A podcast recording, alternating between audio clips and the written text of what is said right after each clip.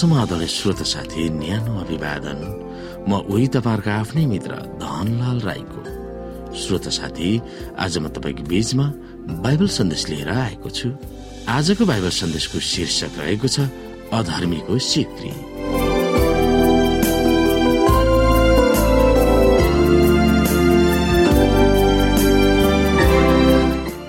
श्रोता पशुको छाप लगाउने भविष्यवाणी यशुका भक्तहरूको निम्ति भयावह समय हो।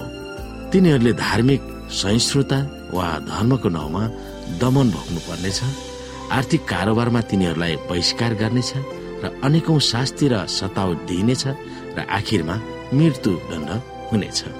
अचम्मको कुरो के छ भने यसमा यसुका भक्तजनहरूलाई उत्साह दिने सन्देश पनि छ। अत्यन्तै खराब र विषम समयमा पनि परमेश्वरका आज्ञा पालन गर्ने र यसुमा भएको विश्वास हुने भक्तजनहरूलाई परमेश्वरले सम्हाल्नु हुनेछ। ती आज्ञाहरू पालना गर्नेमा चौथो आज्ञा वा हप्ताको सातौं दिन साबत पालना पनि हो। हामीले यहाँनिर प्रकाश तेह्र अध्यायमा हेर्यौं भने भविष्यवाणी गरेको पशुको छापले हामीलाई अत्यन्तै खराब समय वा शैतानले परमेश्वरको विरुद्धमा युद्ध गर्ने पराकाष्ठा वा चरम सीमालाई बताउँदछ। अनेकौं छली अभियानहरूद्वारा मानिसहरूलाई धोका दिने उसको पहिलो रणनीति हो। प्रकाश तेह्र अध्यायले भविष्यको त्यो समयलाई औल्याउँछ। जब शैतानले इसाई धर्म नै किन नहुन् धार्मिक र राजनैतिक शक्तिहरूसँग मिलेर बलजफ्ती उसलाई ढोक्न लगाउँदछ। हुन त धर्मको नाउँमा सताइनु कुनै नौलो कुरा होइन। यो कायनको समयदेखि नै यस संसारमा गरिरहेको छ। परमेश्वरको चाहना अनुसार हावेलले उहाँको आराधना गरेकै कारण कायनले उसलाई मारेको थियो। उत्पत्ति चार अध्यायको एकदेखि आठमा हेऱ्यौँ भने हामी त्यो कुरालाई पाउन सक्छौ। पहिलो शताब्दीमा होस् वा युगौं युगसम्म आफ्ना अनुयायीहरूले सतावट भोग्नु पर्नेछ भनेर यसुले अगावै भन्नुभएको थियो। उहाँले यो सतर्क गराउनु भएको थियो। धर्मको निम्ति नै तिमीहरूलाई मार्ने मानिसले परमेश्वरको सेवा गरिरहेका छन् भनेर सोच्नेछन्। श्रोत साथी हामी यहाँनिर उत्पत्ति चार अध्यायको एकदेखि आठलाई हेर्न सक्छौ। जुन कुरा काइन र हाबिलको विषयमा लेखिएको छ आफ्नै पत्नीसित आदमको सवास भएर तिनी गर्भवती भएर काइनलाई जन्माइन् र भनिन् परमप्रभुको सहायताले एक पुरुष जन्माए। फेरि तिनले काइनको भाइ हाबिललाई पनि जन्माइन्। हाबिल भेडा गोठाला भए र काइन चाहिँ भूमिको खेती किसानी गर्ने भए। केही समय बितेपछि काइनले परमप्रभु कहाँ भूमिको उब्जनीबाट केही ल्याए तर हाबिलले आफ्ना भेडाको बगालबाट पहिले जन्मेका पाठाहरूका बोसे भाग ल्याए। परमप्रभुले हाबिल र तिनको भेटी ग्रहण गर्नुभयो तर काइन र तिनको भेटी ग्रहण गर्नु भएन। यसैले काइन ज्यादै रिसाएर तिनको मुख अध्यारो भयो। तब परमप्रभुले काइनलाई भन्नुभयो त किन रिसाउँछस्? तेरो मुख किन अध्यारो छ?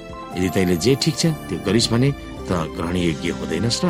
तर यदि तैँले ठिक काम गरिनस् भने त पाप तेरो ढोकामा ढुकिबस्छ त्यसको इच्छा तप्रति हुन्छ र तैँले त्यसलाई अधीन गर्नै पर्छ। काइनले आफ्ना भाइ हाबिललाई भने जाउँ हामी बाहिर खेतमा जाउँ।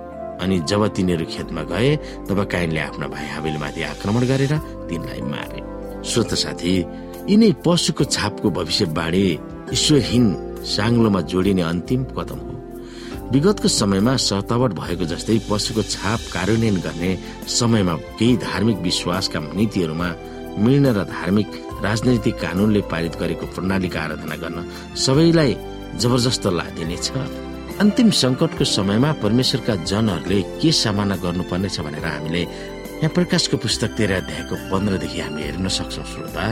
त्यस पहिलो पशुको मूर्तिमा सास हालिदिने अनुमति त्यसलाई दियो। यस हेतुले कि पशुको त्यो मूर्ति बोल्न सकोस् र त्यस पशुको मूर्तिलाई नपुज्नेहरू मारियो। अनि त्यसले साना र ठुला धनी र गरिब फुक्का र कमारा सबैलाई तिनीहरूका दाहिने हात वा निधारमा छाप लगाउन लायो। त्यो छाप नभइकन कसैले पनि किनमेल गर्न नपाउने भयो। त्यो छाप चाहिँ त्यस पशुको नाउँ वा त्यसका नाउँको संख्या हो। बुद्धिमत्ता यसैमा छ जसको समझ छ त्यसले त्यस पशुको संख्या जोडोस् किनकि त्यो कुनै मानिसको संख्या हो र त्यो चाहिँ छ सय छैसठी हो। श्रोता आर्थिक नाकाबन्दी गरेर सतावट सुरु हुन्छ भनेर भविष्यवाणी लेखिएको छ। यदि छाप नलगाएकोमा कसैले किनबेच गर्न सक्ने छैन जब यो उर्दी जारी गर्छ तब अधिकांश मानिसहरू त्यसमा समावेश हुनेछन्।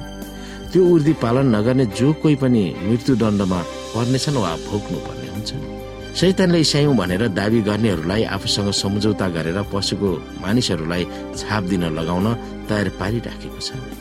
यो हामीलाई भविष्यमा आउने अन्तिम परीक्षा पनि हो।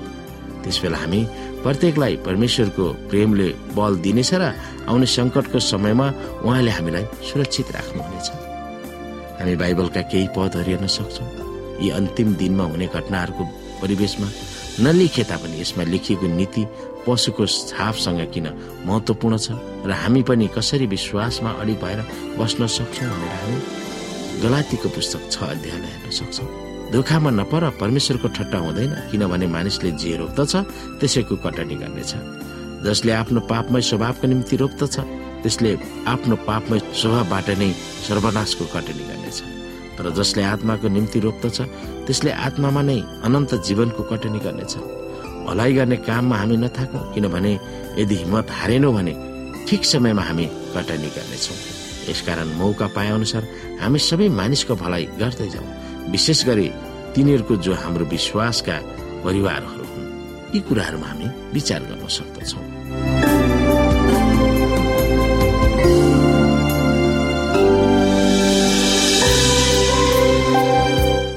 श्रोता आजको लागि बाइबल सन्देश यति नै। हस्त नमस्ते जय मसिंह।